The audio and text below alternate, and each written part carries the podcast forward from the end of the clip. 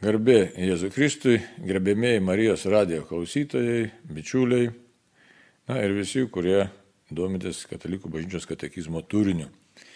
Šiandien pradedam vėl kitą laidelę, kalba apie maldą, toliau kalbam, tęsiasi ta maldos tema. Ir toliau kalbam apie malda, maldos kovą. Bet prieš kalbėdami pirmiausia pasimelskim. Vardant Dievo Tėvo ir Sūnaus ir Šventosios Dvasios. Amen. Viešpatie Dieve, tu mus pašaukiai gyvenimą iš tikrųjų iš meilės ir pašaukiai laisvus asmenys. Ir mums neretai ta laisvė iš tikrųjų tampa ir iššūkiu, nelengva ją naudotis. Taigi sustiprink mūsų Dievo malonę, pasitikim pažinimu, tavo valios pažinimu, kad tikrai pažinę tikėjimą, tikėjimo turinį, galėtume tą savo laisvę teisingai panaudoti ir gyventi ir nešti gražių vaisių gyvenime čia, kasdienybė ir amžinybė. Ir visą tai iš to malonės dangiškas įstėja per Kristų mūsų viešpatį šventoje dvasiai. Amen. Taigi žvelgiam į tą skirsnelę maldos kova ir čia jau kažkiek pradėjom kalbėti ir ten buvo tokia, toks pakvietimas mūsų iš tikrųjų įsipareigoti maldai ir tam tikrai maldos kovai. Ir dar priminsiu, reiškia, toks įžanginis buvo numeris 2725 ir ten buvo kas pasakyta, kad malda yra malonės dovana ir tvirtas mūsų atsakas. Tai tas tvirtas mūsų atsakas, tai iš tikrųjų tai mums yra tam tikras ir įpareigojimas, ir tam tikra našta. Nes visą laiką reikia pastangų. Ir tos pastangos, nu, nėra, nėra mums taip tiesiog toks vienkartinis dalykas, bet tai iš tikrųjų Kol gyvename ant šitos žemės, tol esam įpareigoti, pašaukti, pakviesti maldai. Taigi esam pakviesti iš tikrųjų dėti tas pastangas ir teikti tą tvirtą savo maldos atsaką. Ir tokiu būdu tada buvojame santykėje su Dievu, o Dievas jau mums atsiliepia ir įkvėpia dar didesniai maldai. Bet vienu žodžiu, kažkokį tai atsaką reikia visą laiką duoti patiems žmogui, pačiam žmogui apsispręsti ir savo laisvę panaudoti. O kartais, žinom, kartais norisi melstis, kartais nesinori, kartais tingisi, kartais nuotaikos nėra, kartais sveikatos nėra, žodžiu, įvairūs dalykai mus trikdo. Tai todėl čia matėm skirsnelis paskui yra, kas jau seka katekizmą, jeigu ne, tai primenu 2726 numeris ir pradeda kalbėti apie prieštaras maldai.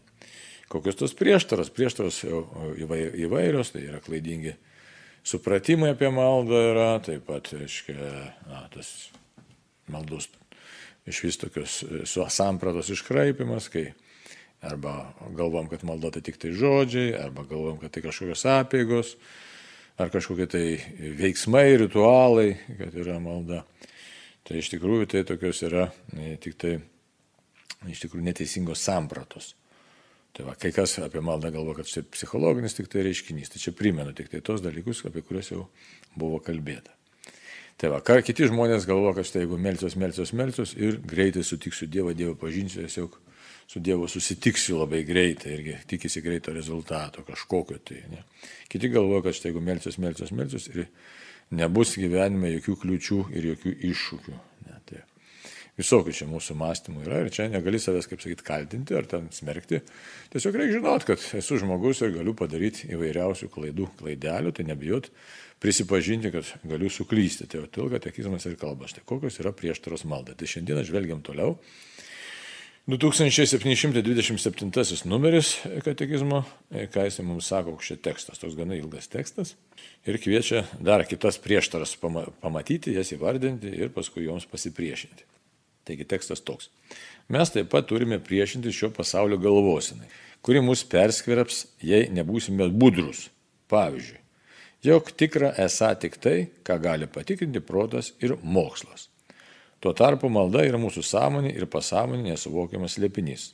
Arba, kad vertinga tai yra gamyba ir jos našumas. Tuo tarpu malda neproduktyvi, vadinasi, nenaudinga. Arba, kad tiesos, gėrio ir grožio kriterijai yra jūslingumas ir pasitenkinimas. Tuo tarpu maldai Ir čia e, kabutėse pateikiamas pavadinimas e, veikalo, iš tikrųjų grožio meilė, filiokalija. Tai rūpi gyvojo ir tikrojo Dievo garbė. Pakritikuoja aktyvizmą ir štai malda pateikiama kaip bėgimas iš pasaulio. Tuo tarpu krikščioniškai malda nei pasitraukiama iš istorijos, nei nutolstama nuo gyvenimo. Tai dabar panagrinėsim tą tekstą, kuris gali toks ilgas tekstas atrodyti ne vis laik suprantamas, ar, ar kas čia dabar kalbama. Nes sulaukiam e, tokių įvairiausių vertinimų, įvairiausių tokių prieštarų, kai nori melstis arba nori laiko skirti maldai, tai mes galim iš pašalies, iš kažkur, tai net iš labai artimos kartais aplinkos, išgirsti tokių įvairiausių įvertinimų. Ypač tas buvo būdinga tarybinės laikais, jeigu kas prisimena, kai mums buvo brukamas toks, na, mąstymas, mentalitetas, kad reikia duoti kuo daugiau produkcijos. Vertinga yra tik tai, kas yra apčiuopiama, kas yra materialu ir ką tu sukari kaip kažkokią tai išliekamą dalyką. Taip, pavyzdžiui, daug, kuo daugiau plytų pagaminti, kuo daugiau metalo, kuo daugiau ten iškasinų, kuo daugiau gelsbetonų ir taip toliau. Žodžiu, e, duoti kažkokios produkcijos. Aišku, tuo metu visko labai trūko, Ir e, tas materializmas toks, nu, jis buvo faktiškai jau mums ir lik ir savas tapas, nes tikrai visko trūksta, reikia kuo daugiau, kuo daugiau, kuo daugiau pagaminti.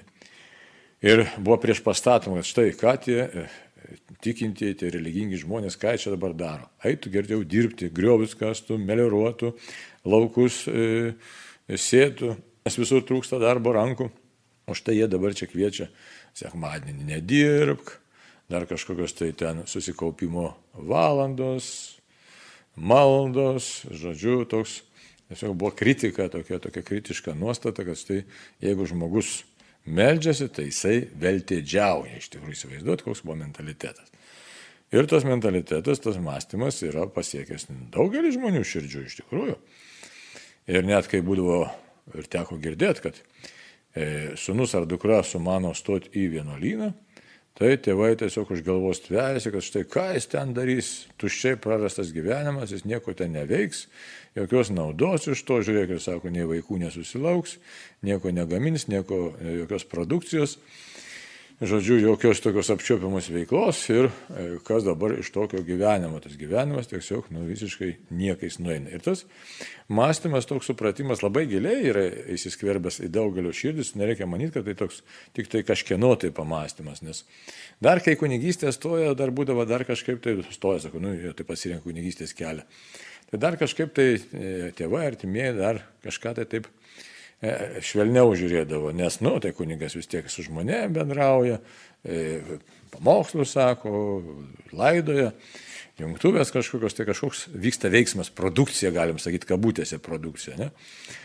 O, o jeigu jau pasirinka vienuolinio gyvenimo kelią, tai čia atrodė, kad jau čia, nu ką, nu ką, tai dabar čia visai išprotėjo, sakydavote. Tai čia dabar kodėl taip kalbu apie tą vienuolišką gyvenimo kelią. Štai, kad tai iš tikrųjų pasišventimas maldai. Tai E, tai čia tik tai, nu, toks buvo e, toks jau labai toks radikalus matymas, kad štai vienuolynas. Bet taip pat ir su kasdienėm maldom buvo toks mentalitetas, kad štai ko čia dabar čia melstis, nes geriau eiti eit kažką tai dirbti. Tai, o, tai mes galime vėlgi žvelgiant į, į mūsų tikėjimą, į turinį, ir dabar katekizmo turinį, tiesiog tikrai sakyti, kad štai kaip neteisingai gali būti lengvai pakreipiamas žmogus dėl tam tikrų priežasčių ir, ir, dėl tam tikrų aplinkybių, gyvenimiškų aplinkybių ir kaip supriešinama ta tokia tikra tikėjimo gyvensena e, su tokiu laikinumo pamatymu, įvertinimu, tokiu pervertinimu laikinumo ir nesuvokiamu iš tikrųjų tik netikėjimo esmė, nei maldos esmė.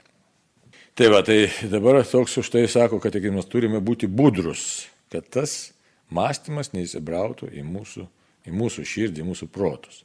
Štai ir sako, kad vertinga tai yra gamyba ir jos našumas. Čia buvo labai populiaru toks mąstymo būdas, kaip jau minėjau, Sovietų sąjungoje, tarybinio žmogaus mąstysena, bet taip pat ir kapitalizme tas yra labai, sakyt, sava, nes nors sistemos skirtingos, politinės sistemos, ekonominės sistemos buvo skirtingos, tačiau vieniem reikėjo tos produkcijos, kad galėtų savo galybę vystyti ir kad galėtų tiesiog nu, kažkaip egzistuoti, o kapitalizme tai vėlgi konkurencija, pelnas, pelnas, pelnas.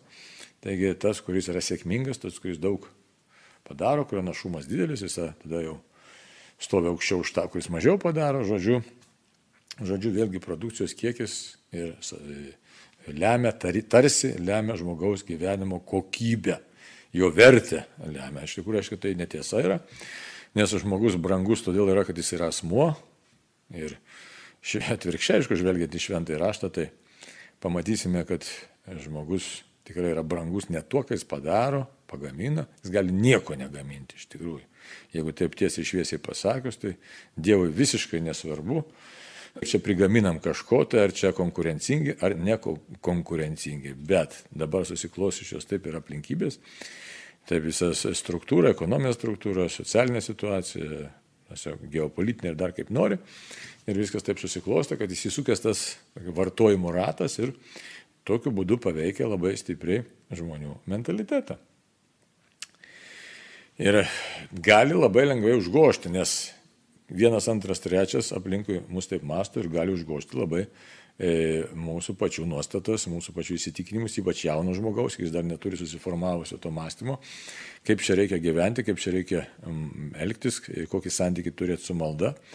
Ir tokiu būdu žmogus tiesiog jisai na, gali būti paveiktas tokio našumo, galima sakyti, pramoninio tokio mąstymo. Ir, Jo labiau, kad tas mąstymas yra toks apčiuopiamas labai, tu gali greitai, jeigu, sakysim, sekasi, sekasi kažką tai dirbti, sekasi gaminti, sekasi kažką tai išparduoti ar ten išplatinti, tai pagauna tas sėkmė, azartas kyla. Ne, ir azartas pažadina tas tokias vidaus e, pasitenkinimą ir žmogus tiesiog tada susikoncentruoja būtent tą veiklą ir e, kaip pradedi e, kalbėti apie maldą, tai atsiranda tam tikra konfrontacija, kad štai siūlai tokį gyvenimo būdą, kuriame sumažėja, sumažėja našumas, sumažėja iš tikrųjų produkcijos kiekis.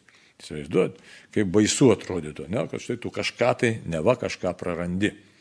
Tai čia galima analizuoti ir analizuoti šitas situacijas. Aš vėlgi galiu priminti, Erikas Fromas yra išanalizavęs labai įdomiai vienoje savo knygoje, kaip veikia tikėjimas, kaip veikia būtent tą santykį su, su to našumo mentalitetu ir veikia santykį su iš viso to produktivumu.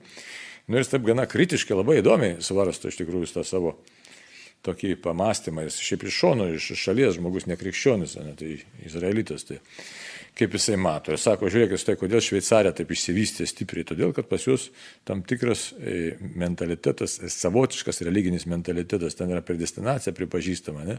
klaida, erezija. Tai jie ką daro? Ten toks yra pasakymas, jeigu tau sekasi, tai reiškia, tu esi Dievo palaimintas, jeigu tau nesiseka, tu esi prakeiktas ir jau paskirtas, predestinuotas į, amž... į amžiną pasmerkimą. Tai kad žmogus išsigelbėtų ar įrodytų, kad jis nėra pasmerktas, labai, labai stengiasi. Stengiasi ir aišku, automatiškai jam sekasi.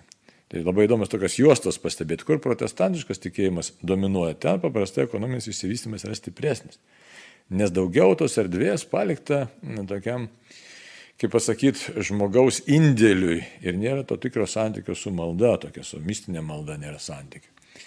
Čia aš kaip iliustracija kalbu, galima būtų dar atskirą temą padaryti. Dabar, reiškia, tokie e, kiti kraštai, kurie yra katalikiški kraštai, jeigu taip sakytume daugiau dar vidurio Europą, rytų Europą. Tai prastesni tie yra ekonominiai rodikliai, tačiau gilesnis žmogaus ieškojimas, santykis su Dievu ir e, žmogus pasaulį mato kažkiek, net kažkiek, bet stipriai kitaip. Ir tas žmogaus asmuo yra labiau subalansuotas. Aišku, mums šnūdienai šiandien kalbėtai sunku, kad taip, nes visas pasaulis yra pasislinkęs į tą tokį, tokį protestantišką mąstymą, tokį daugiau išbalansuotą, tokį materialistinį vartojimo mąstymą. Tokį. Na, o rytai, jeigu imsim tai apie Europą kalbant, ne, ortodoksų taip pat bažnyčios tos, reiškia, šalis, e, kur, e, reiškia, nėra, labai mažai racionalizmo yra. Tai iš vis ekonomika apleista yra. Nes žmogus daugiausia viską, taip sakyti, patikė Dievui. Ir per daug nesirūpina to žemiško gyvenimo. Tai vėlgi susikonstruoja tam tikras pasaulio matymas, tam tikras mąstymo ir elgsenos modelis. Tai čia taip e, probėgom, tai reikia žinoti, kad labai svarbu. O dabar mes galim sakyti, ko reikia žmogui. O atsakymas yra, Švento Antano didžiojo, iš tikrųjų, ta gauta formulė, kurią paskui labai pritaikė Šventasis Benediktas atnešė į vakarus, į mūsų katalikų bažnyčią. Ir, aišku, Antanas didis katalikas, pirminė bažnyčia, taip galim sakyti. Tai va, tai e, kokia? Ora et labora, tai yra melskis ir dirbk. Tai yra balansas turi būti išlaikytas, išlaikytas balansas. Taigi, jokių būdų negalima šito mentaliteto supriešinti ar kažkaip ignoruoti. Nei darbo negalima ignoruoti, kadangi veido praketę pelnysi savo duoną, pradžios knygoje mes skaitome, kitaip tariant, mes turime užsipelnyti kažkiek savo tos duonos, bet duona negali užstoti mums santykių su Dievu. Nes jeigu mums duona užstoja santykių su Dievu, tai mes iš tikrųjų prarandam iš viso, prarandam savo gyvenimo prasme. Nes Mes nesam kaip tarybiniais laikais, tai ten buvo sovietinė sistema, kad tu turi tarnauti mašinai, ta prasme, tam visam aparatui, net savo gyvybės ir aukos kainą, kad tik tai tas aparatas, ta prasme, šitą visą sovietinę sistemą laikytųsi ir progresuotų. O žmogaus asmo visiškai nesvarbus. Tuo tarpu Dievo matymas visai kitas yra. Tokios aukos nereikia, Dievui svarbus kiekvienas asmo. O jeigu reikia kartais pasiaukoti, tai pasiaukoti santykėje su Dievu arba iš meilės artimui, bet tai savęs kaip savo savasties neprarandant. O savo savasties neprarasi tada, kai būsi santykiai su Dievu, tai kitaip tariant, malda turi užimti labai tokią rimtą, rimtą vietą turi užimti. Tai dabar kitas momentėlis sako, pavyzdžiui, tikra esą tik tai, ką gali patikrinti protas ir mokslas. Čia vėlgi toks jau užsiminė buvom kažkada, tai vėl bet labai svarbus dėmo, kad tiek protas, tiek mokslas yra Dievo sukurti dalykai, išsakyti, duotybė, pažinimas tai yra, kas yra protas. Protas yra priemonė, įrankis pažinti sukurtajam pasauliu. Ir dar jeigu toliau sekti, tai pažinti sukurtą į pasaulį, nustepti Dievo visą galybę, Dievo išmantimi ir Dievą garbinti. Tai čia toks yra proto e, pašaukimas, tokia proto paskirtis. Ir mokslas taip pat yra jau, kas yra mokslas, pačių žmonių kuri, e, stebėjimai, e, kūrybinių galių realizavimas, pastebėti, kas yra čia įdėta toj materijai ir ne materijoje, iš viskas egzistuoja. Žmogus yra pajėgus analizuoti, abstrahuoti, tai abstrakciją sukurti ir daryti tam tikras išvadas, kaip, kaip sakant, mokslininkai kalboje, analitinis, sintetinis metodas, galbūt yra sintezuoti, jeigu kalbėti apie mintį galim. Šitaip sakyti, žmogus pajėgus tą daryti. Bet tai nėra absoliutus dydis. Ir todėl, kai kalbam apie maldą ir apie mokslą, yra skirtingi dydžiai. Malda yra santykis su absoliutu, su Dievu. Kitaip tariant, malda yra jau, na, kaip galim pasakyti, taip drąsiai pasakyti. Tai yra šuolis, geležinkelis kelias į Dievo, na, į Dievo glėbį, į santykį, į dialogą, o dar geriau būtų, į dialogą su Dievu. Tuo tarpu protas viso labo yra vis dėlto tarnaitė. Ir kai mes iš proto padarom, iš proto, iš mokslo padarom e, religiją, jam suteikiam absoliutumo dėmesį, dėmenį, tai mes labai labai stipriai apsirinkam. Ir kartais gaila klausyti tokių mokslininkų, labai rimtų, kurie savo srity ten tokie vasai, tokie specialistai, iš tikrųjų realiai. Begaliniai didžių pasiekimų, bet kaip jie nesugeba pamatyti kažkodėl, tai dėl kažkokių priežasčių visumos. O kas čia yra visumoji? Tai kas tai mano pasiekimai, sakysim, įsiskirbia ar į lastelę, ar į atomą, ar ten į kokias bangas, ne, kur tikrai nuostabus dalykai. Reiškia. Bet ne, nekyla toks e, pagrindinis klausimas, tai o kodėl visą tai egzistuoja, ką tai reiškia. Kitaip tariant, tas protas įsiskarbia vienoje srityje, bet jis lieka aklas visoje to visumoje, nesugeba kažkaip pamatyti tos visumos.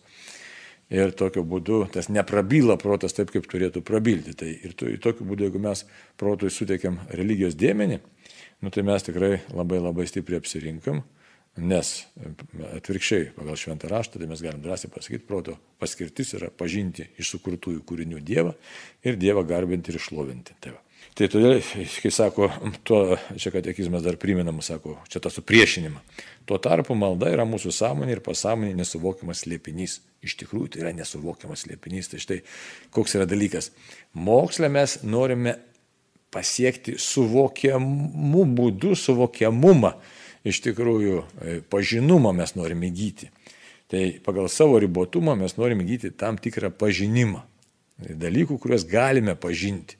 Maldoje mes iš tikrųjų jau ateiname visiškai kitą santykį ir buvom santykį su absoliutu, su Dievu buvom, nepasiekiamu, neišreiškiamu, begaliniu Dievu santykė buvome ir tas santykis yra peršokantis žmogaus galimybių sugebėjimų, tikrai bet kokių galimybių ribas. Tai bet kokiu atveju šitoje vietoje mes turime pripažinti, kad malda yra malonės dovana, tai kad mes galim melstis, jau mes esam apdovanoti. Tai kartais norim kažkokių tai dovanų Dievo prašom, kažkokių tai ten Dieve duok to, to, to, nesupranta vieno dalyko. Jeigu jau sugebam pasakyti, ar apsisprendžiam ir pasakom, kad malda tėvė mūsų, nu, ar bet kokią kitą maldą, tai mes jau esam apdovanoti. Įsivaizduojat. Čia dar reikia gerai pagalvoti. Jau esam apdovanoti. Ir jau mes pranokom mokslą iš tikrųjų. Ne mes, bet tiesiog pasirinkom kelią, kuriuo eidami peržengėm mokslo galimybės. Drąsiai galim pasakyti, jeigu ten profesoriai visokias ką nors sako, kaip jūs čia taip panai, ką jūs galite, mes galim, sakysim, tą suprasti, tą išoperuoti. Šitų dalykų nereikia supriešinti. Ką žmogus sugebėjo, tiksliau, ką Dievas leido protui pažinti, įvardinti, panaudoti ypatingą, ne, žiūrėkit, nuostabus pasiekimai dabar, kur yra, labai stebina, stulbina, medicinoje, ten virusologijoje, nu ir kosmose, ir bangų ten tyrinėjame, kvantai, kvarkai ir taip toliau. Tai va, tie visi dalykai nuostabus yra, tai pažinimas, bet tai nereikia supriešinti su to, čia atvirkščiai sujungti reikia tos dalykus su maldos gyvenimu, su, su tikėjimo samprata, su tikėjimo to pažinimu. Kaip nuostabus, koks nuostabus šitas pasaulis, kaip nuostabėsiai surėdytas, protas gali pažinti, bet į tikrąjį santyki jau ateiname maldos keliu. Tai net atvirkščiai tas mokslas gali būti mums šuolis, toks trampliniukas visai neblogas, ne, pripažinti savo ribotumą, savo silpnumą ir atrasti maldos svarbą dar labiau. Jeigu rimtai užsimant mokslu, tai tikrai turėtume tada jau pradėti galvoti, kaip nuostabu, kad galiu melstis. Nes moksle vis dar tikisi žmonės tokią, tokią, tokią ribą. Peržengsim ir gal peržengs labai daug ribų, tačiau reikia suprasti, kad negali žmogus ateiti iki absoliutumo pažinimo, iki absoliutaus dydžio pažinimo, nes žmogus ribotas. Tai, aišku, kartais randa to noros neribotumo, tokia susikurti savo iliuziją, bet taip nėra. Tai va, tai va, vienas irgi toks yra dabar labai paplitęs šitas klaidinimo toks elementas, būdas, kelias, kad štai patikėk mokslu ir kada nors mokslas į viską atsakys. Jeigu toks labai neteisinga frazė, tai reiškia, kada nors žmogus atsakys į būties klausimą. Suvaizduot, čia šiaip jeigu kada nors mokslas į viską atsakys, tai reiškia tą formulę perės galima kitaip. Kad, tikiu, kad žmogus kada nors išspręs visus klausimus, visus būties klausimus. Ar tai realu? Žinoma, kad nerealu, nes žmogus ne pats save sukūrė. Ir tada būtų e, teisinga pasakyti, jeigu galvom, kad žmogus atsakys į viską Tai tada, kada nors žmogus ims kurti viską iš nieko, bet kad nėra to nieko. Negali būti to nieko. Mes egzistuojam pasauliu, kuris jau sukurtas. Taigi mes esam sukurti ir pasaulis taip pat sukurtas ir mes jame buvojame. Bet šita, šita klaida labai stipriai mūsų laikmetį palėtus. Labai stipriai palėtus yra. Tai todėl, ir kalbant apie maldą, kai kartais nerandam laiko maldai, galvom, kad štai čia. Žinai čia tokių beraščių užsiemimas maldoti mes labai labai klystame. Nes labai gali būti, kad mūsų raštingumas ir kartais labai didelis raštingumas mus labai labai stipriai apgauna. Užlipi tam tikrą, pasilipi keliais laipteliais pažinimo tam kopime. Ir įsivaizduoja, kad užlipai į didžiausią viršūnę. O viršūnė iš tikrųjų yra u ir nepasiekiama. Tai va, gerai.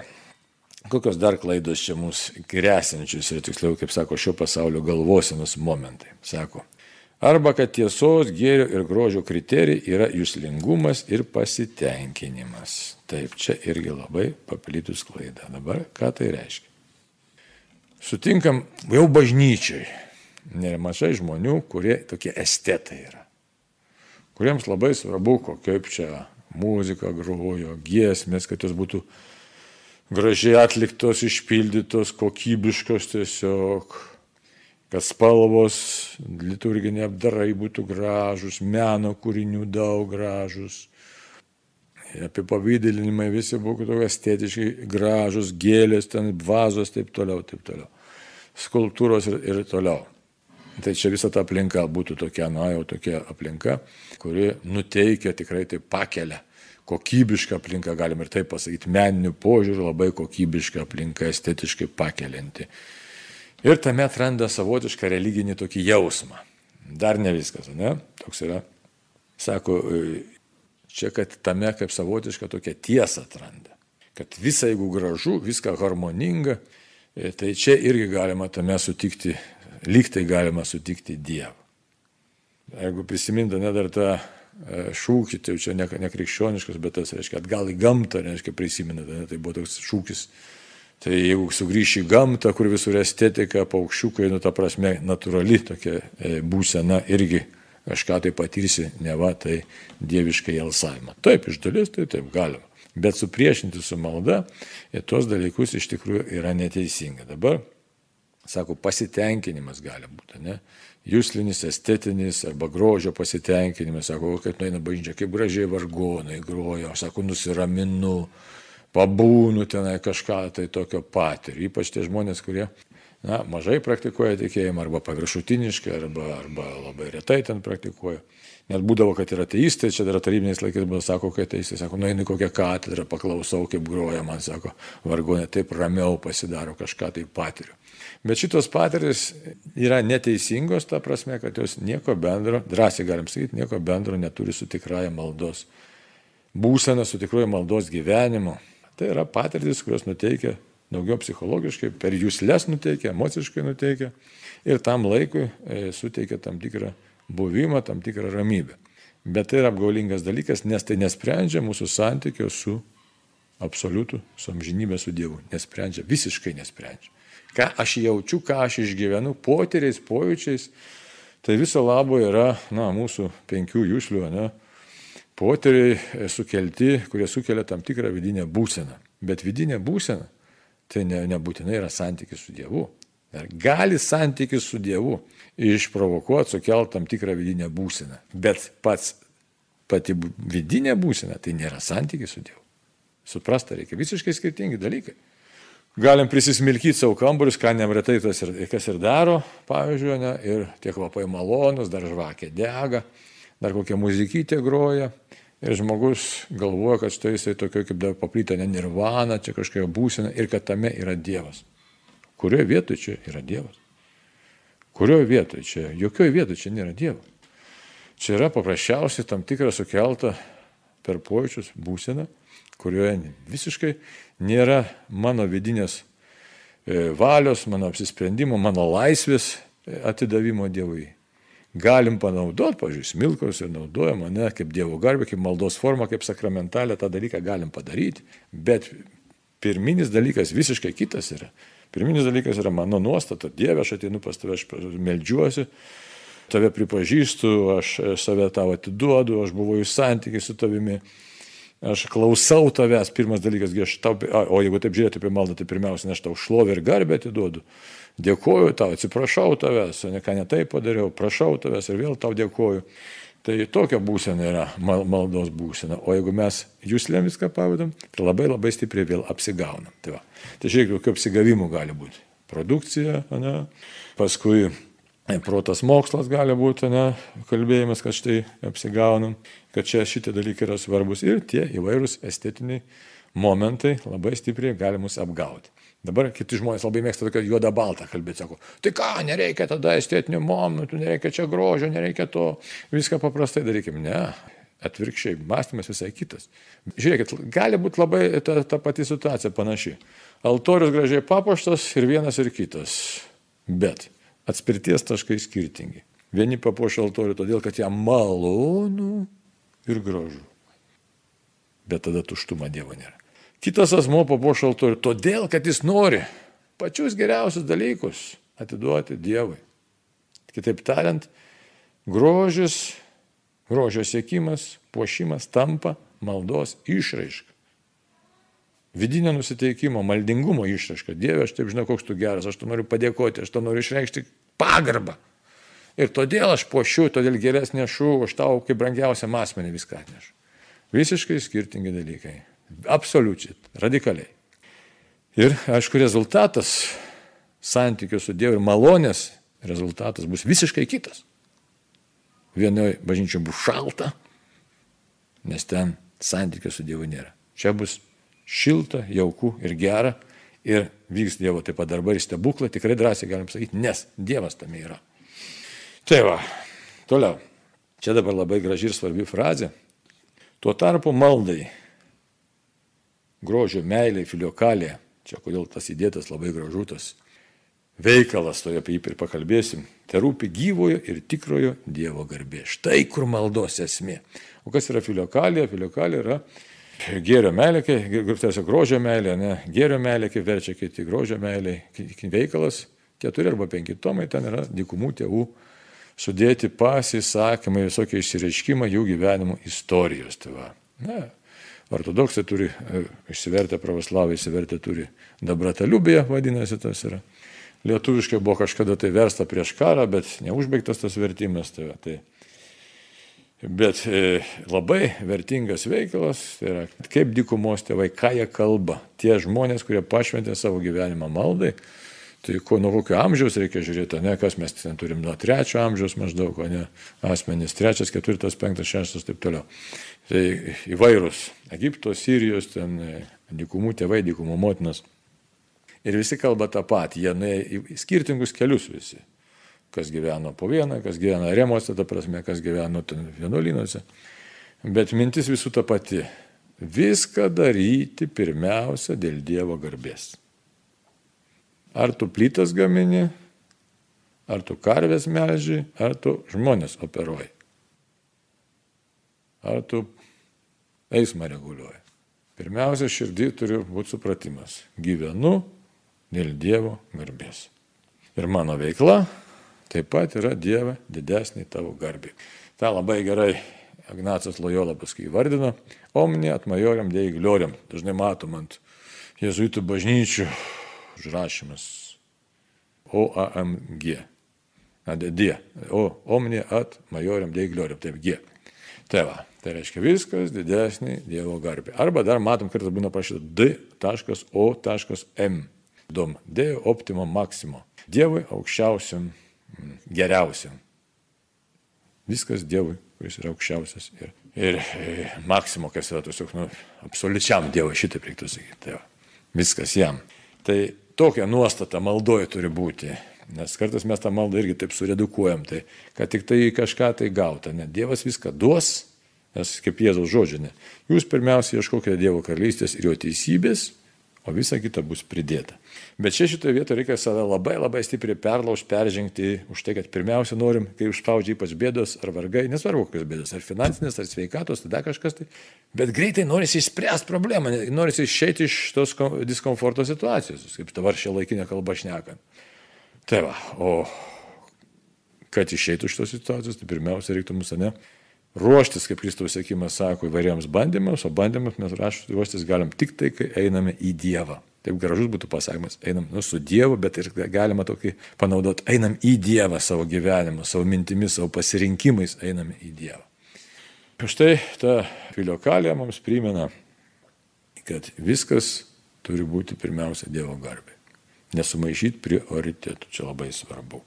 Toliau, Sako, pakritikuoja aktyvizmą ir štai malda pateikime kaip bėgimas iš pasaulio. O. Tuo tarpu krikščioniška malda ir krikščioniška malda tai yra nei pasitraukimas iš pasaulio, nei, nei nutolimas nuo gyvenimo. Krikščionis ne todėl meldžiasi, kad pabėgtų į tokią komforto situaciją, kaip budizme, kokią nors ten nirvana dar kažkur ten. Atvirkščiai einu į santykį su Dievu, kad ištverčiau šio pasaulio bandymus. Ir atlikčiau man patikėtą Dievo uždavinį. Ir tą jau mes galim žiūrėti labai įdomiai. Ar mes imsim Joną Pauliaus antrojo, tas sakysim, maldelę Marijai Gorėti, kurią jis labai gražiai vardina, kad Marija Gorėti, užtark mus mergaitė, vargšė mergelė, užtark mus, kad tikrai mes pasakytume Dievo planui, kuris tu mums turi taip, bet galim žiūrėti ir apaštalo Paulius, jeigu iš šventą raštą žiūrėti, ką jisai sako, ne?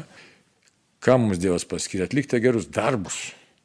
Jėzuje Kristuje atlikti gerus darbus arba pašaukimą mums suteikia. O jei nekartą šventasis raštas, ypač laiškuose mes randame paštalo, ne, kad Paulius Petras mums aiškiai kalba apie mūsų pašaukimą. Visi kokį pašaukimą, nuostabų pašaukimą vykdyti Dievo valią. Tai va, tai malda nėra pabėgimas ir už tai aktyvizmas tai yra netikra būsena. Aktyvus, aktyvus, aktyvus, o mes prisimenam, nu, aišku, ne vien čia, daug kas dykumų tėvai kalba, bet Makariaus galbūt tokia labiausiai išriškėjusi ta mintis, sako, atsivers pats tiesiog sukoncentruodamis, atsivers pats, aplink tave atsivers tūkstančiai. Kodėl? Todėl, kad jis labai įdomi, sako, pasaulis valdomas malda, kitaip tariant, dvasiniu būdu. Ir Dievas mums leidžia šitame dalyvauti, bet labai lengva pamesti šitą mintį. Taip lengva pamesti, žinokit. Tik tai kas nors atsitinka galvo, tai ką ta malda čia padės, reikia dabar kažką tai nu, prisukti, užsukti, prapjauti, iškelti, išnešti, su pažįstamu kažkokiu susitikti, kažkam gal kyšį duoti ir reikalus reikia suderinti. Ne? O kad yra pirmioji vietoje, kad Dievas šito pasaulio valdovas, žmogus kažkaip išsprūsta ir išsprūsta ir išsprūsta ta mintis. Ir tada mes neįmam melstis, o kai Dievas pajėgus įkvėpti, mums surasti kelių, kaip mums įspręsti savo situacijas. Bet šitoje vietoje tokia rimta kova vyksta. Nu kaip čia dabar galvoju, nu kaip čia dabar, nes žmogus turi laisvą valią, žiūrėk, kiek medžiosiu už savo gerinti vyrą, sako, kas nors jis niekaip nemeta gerti. Tai kur ten išklausys kitoje vietoje, ne? Taip, kad šitoje vietoje labai daug yra iššūkių mums ir todėl tas aktyvizmas norisi, kad aktyvizmas atrodo, kad mes kažką tai padarysim patys. Tuo tarpu krikščioniška malda nėra bėgimas iš pasaulio, bet Dieve, ateinu pas tave, kad įkvėptum man jėgų nešti savo kryžių, vykdyti tavo valią, atlikti savo uždavinį ir ne tik.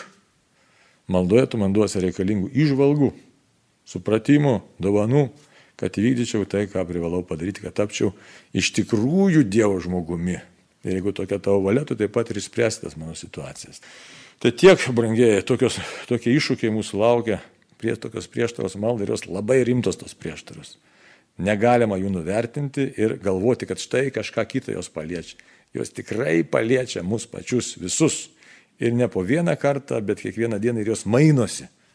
Persidengia, taip kad, taip kad turim su kuo pakovoti ir turim ką paveikti su pačiais savimi, savimi išgrininant tai, kas mumise vyksta, kad malda tikrai E, būtų progresuojanti, kad malda vystytųsi, kad malda mus neštų tikrai link to tikro santykio su Dievu. Tai ačiū Jums už visiems už bendrystę ir pasilikime maldoje vienas už kitą ir mūsų tėvynę Lietuvą. Tam kartui sudė.